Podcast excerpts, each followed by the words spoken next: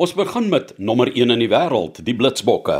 Vancouver in September 38-5, die eerste oorwinning in Edmonton in die bekerfinaal in die 7 Suid-Afrika 24, Groot-Brittanje 12.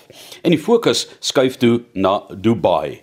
Dit na 'n 5de plek in die Tokio Olimpiese spele teleurstellend vir die Blitsbokke wat hulle versuur altyd so bietjie hoër stel en nie die medaljes kon kom nie, maar met 'n dubbeldoor Dubai eindstryde afsluit.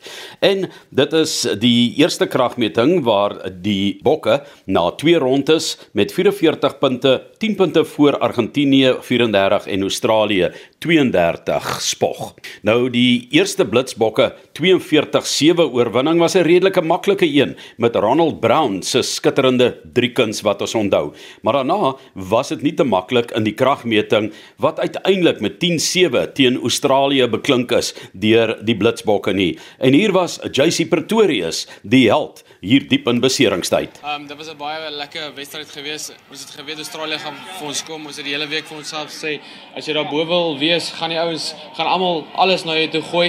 Ehm um, maar die ouens het in die stelsel gebly en ons het goed geëindig. Ons het vanself gesê op hierdie stadium, dis die laaste wedstryd. Niemand gee gee om hoe jy voel nie. Ek meen, ons oefen so hard En um baie keer gaan lesspanne in die oomblikke wat hulle moeg is, maar ons het daai deursettingsvermoë om alles deur saam getrek het en deur gedruk het aan die einde. Ek meen ons is almal soos jong ouens wat debuut gemaak het in Edmonton en Vancouver. Ek meen ons gel so lekker. So daar's nie ding van senior en junior nie. Almal is op dieselfde vlak. Ja, Zoe Zwapi se 3 en dan die Wendry van JC Pretorius deurslaggewend om die Blitsbokke in die nommer 1 posisie saam met die afrigter se blydskap Neil Powell te plaas. Ja, 'n ongelooflike moeilike week vir ons gewees, selfs met die voorbereiding. Ehm um, ons as bestuurspan selfs moes ingespring het om seker te maak dat die ouens hopelik kwaliteit op posisie kan kry om teen te oefen, jy weet in die verdedigingsstelsel en die aanval. Ehm um, so 'n moeilike week in terme van beserings wat ons gehad het, ouens wat as jy kan invlieg hier. Ehm um, en dan ook na 'n suksesvolle naweek laas naweek, jy weet om die ouens se voete weer op die grond te kry en seker te maak dat hulle reg is om die harde werk te doen. So is ongelooflik trots op die ouens. Ek dink ongelooflike baie veggies gewys in hierdie ehm um, wel die laaste twee wedstryde, eintlik al een teen Frankryk ook. Hulle was al twee nalbyt wedstryde gewees en net die ouens se werksetiek en hoe hulle bly werk het vir 14 minute en en vir mekaar gewerk het en vir hy springbok try. Ehm um, ek dink as 'n afrigter kan nou nie meer vra nie en en ek kan ook nie meer trots op hulle wees nie. Ek ek dis is ongelooflik. Die arme arme junior rugby spelers in Suid-Afrika. Loopbane daarmee heen, drome verpletter.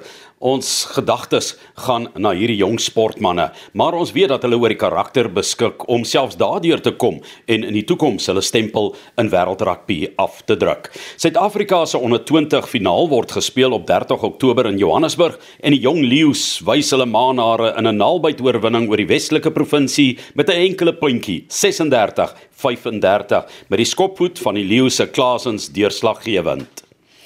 As gevolg van die koronavirus is dit 'n uh, effense gedisoriënteerde seisoen, maar um, uiteindelik, die 11de September is daar 'n eindstryd, 'n wedstryd nommer 45 waar die Bloubulle 'n reuse oorwinning oor die Haie van 44-10 behaal in die Karibeker eindstryd. Die agtal met Marcel Coetzee, 'n ou bondgenoot van afrigter Jake White nou by die Bloubulle aan die voorpunt. Die agterspelers teken 4 uit die 6-3 aan danksy die stewige platform wat aan hulle verskaf is. Maar vroeër die jaar 2020 is daar nog 'n Karibeker finaal gespeel. Dit was die einde Januarie en die Bloubulle wen die eerste maal sedert 2009 in die weerlig wedstryd met 26-19 op 30 Januarie. Twee Karibekers in 1 jaar oor twee seisoene wink daar 'n driekuns vir die Bloubulle. Net hulle het die antwoord. Die vroue rugby eindstryd het op 16 Julie op Nieuweland plaasgevind. Grens het WP met 24-15 geklop en die sogenaamde Karibeker van vroue rugby sal deeglik benut moet word indien die SA vroue span internasionaal kompeterend wil wees.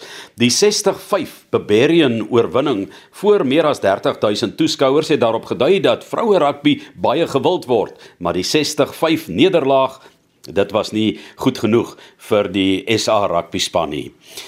Terug by die mans. 'n Opwarmingstoets voor die Britse en Ierse leeu's teen Georgië waar Suid-Afrika 40-9 wen voor die volgende opwarmingswedstryd as dit ware die toetswedstryde afgelas is, maar dit toon 'n geroeste bioborrel bokspan.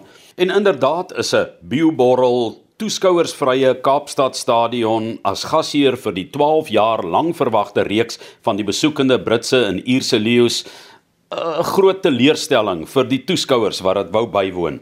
Die Bokke is beswaarlik voorberei en na die eerste toets wat die Britse en Ierse leeu's wen met 22-17, gooi Rassie Erasmus homself in 'n drukkoker situasie met sy 100% korrekte video wat ongelukkig deur die verkeerde kanale gewentel het. Maar die daaropvolgende toets wen die Bokke 27-9 met versigtiger, neutrale en meer regverdige skeieregting.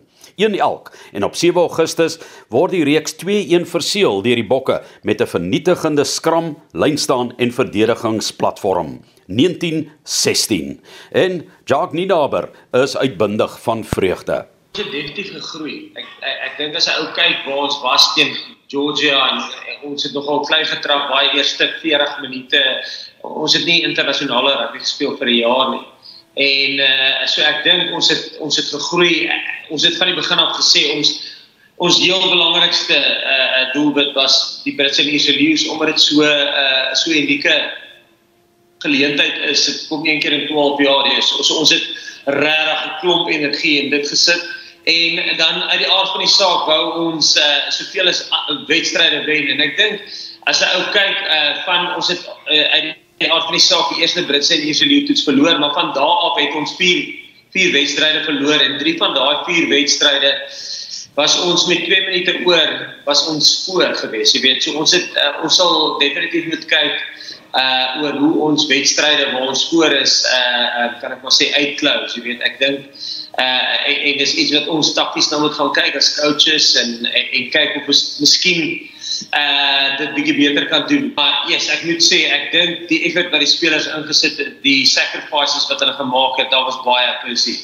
Hoe ons bubbles moes ingaan en wanneer die, die dan was die Britse en Ierse leeu's in in in Australië en dan is dit in Engeland en dan is dit in Suid-Afrika en dan is dit af en dan is dit weer aan en dan sien dan word die wedstryde almal geskuif Kaap toe. Jy weet, so ons het ek moet sê hierdie groep het nooit gemou nie hulle hulle het alles net in hulle straat gevat en en dit was next job. Uh ons het nooit gemou oor enigiets nie. Ons on, ons hulle gaan net aan en hulle die effort en die en die kommitment wat hulle insit was was ek, ek het vir hulle na die tyd sê ek weet kom maar ek kan net moet vir hulle afhaal. Nie net afrigter Jacques nie naber nie, maar ook soos 12 jaar van tevore in 2009 herhaal die geskiedenis teen die Britse en Ierse leeu's weliswaar nou in die suide van die land homself en is dit Morney Steyn se deurslaggewende déjà vu skop wat die uitslag beklink het. So het hy daarna gereageer na die oorwinning van 1916 wat die reeks vir Suid-Afrika teen die Britse en Ierse leeu's beklink het. Na 12 jaar om deel te kan wees van hierdie span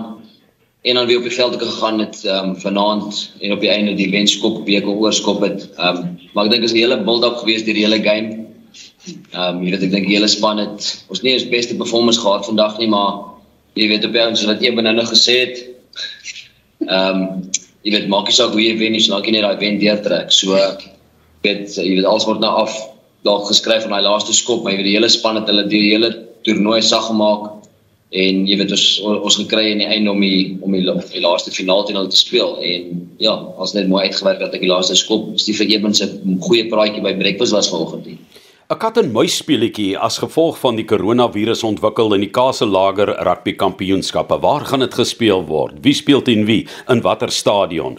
In twee maal verloor Suid-Afrika teen Australië nadat hulle uiteindelik dan besluit het om net in Australië die Rugby Kampioenskappe reeks af te handel. Nederlaag van 26-28 en 17-30 teen Australië skud die bokke. Die All Blacks wen naskraps die bokke met 2 punte in Queensland se Beelbottle met 1917 en op 2 Oktober aan die Goue Kus van Australië verhang die bokke die bordjies teen die All Blacks met 2 punte en wen 31-29 met Damian Dalende en Makazole Mapimpi die drie drukkers. Die All Blacks word in die reeks as kampioene gekroon. Uh, dit is 'n dit was 'n dit was 'n toets en dis hoekom hulle dit toets noem uh dit toets jou besluitneming, dit toets jou karakter, dit toets jou uh, op alle vlakke. 'n Seriële absurde seisoen loop ten einde met die jaar eindtoer waar die Bokke wen teen Wallis 23-18, wen teen Skotland 30-15 en verloor met 'n enkele punt 26-27 teen Engeland op Twickenham. Nou moet ek sê die Bokke het hulle ook seker flou geskrik oor die groot skares wat al daar begin het met die rugby kampioenskap en opgebou het tot op 'n uitverkoopte Twickenham. Siya Kolisi het 'n kapteinsbeurt soos min gehad die seisoen en hy, Marx Etzebeth Am en Mapimpi is in 'n wêreld rugby 15-tal ingesluit op papier. Ten minste, so glo ek, moes Kolisi of veral Etzebeth as speler van die jaar genomineer gewees het en selfs gewen het. Maar helaas het wêreld rugby Suid-Afrika tog uh, in daardie nederlaag teen die Britse en Ierse leeu's reeks en rassiese skoonmaak taktik met die video teruggekry. Of hoe sê ek? Steeds nommer 1 in die wêreld, die Bokke bo en 2022 wink met al sy uitdagings vir SA Rugby. Ek is Johan Rademan vir RSG Sport.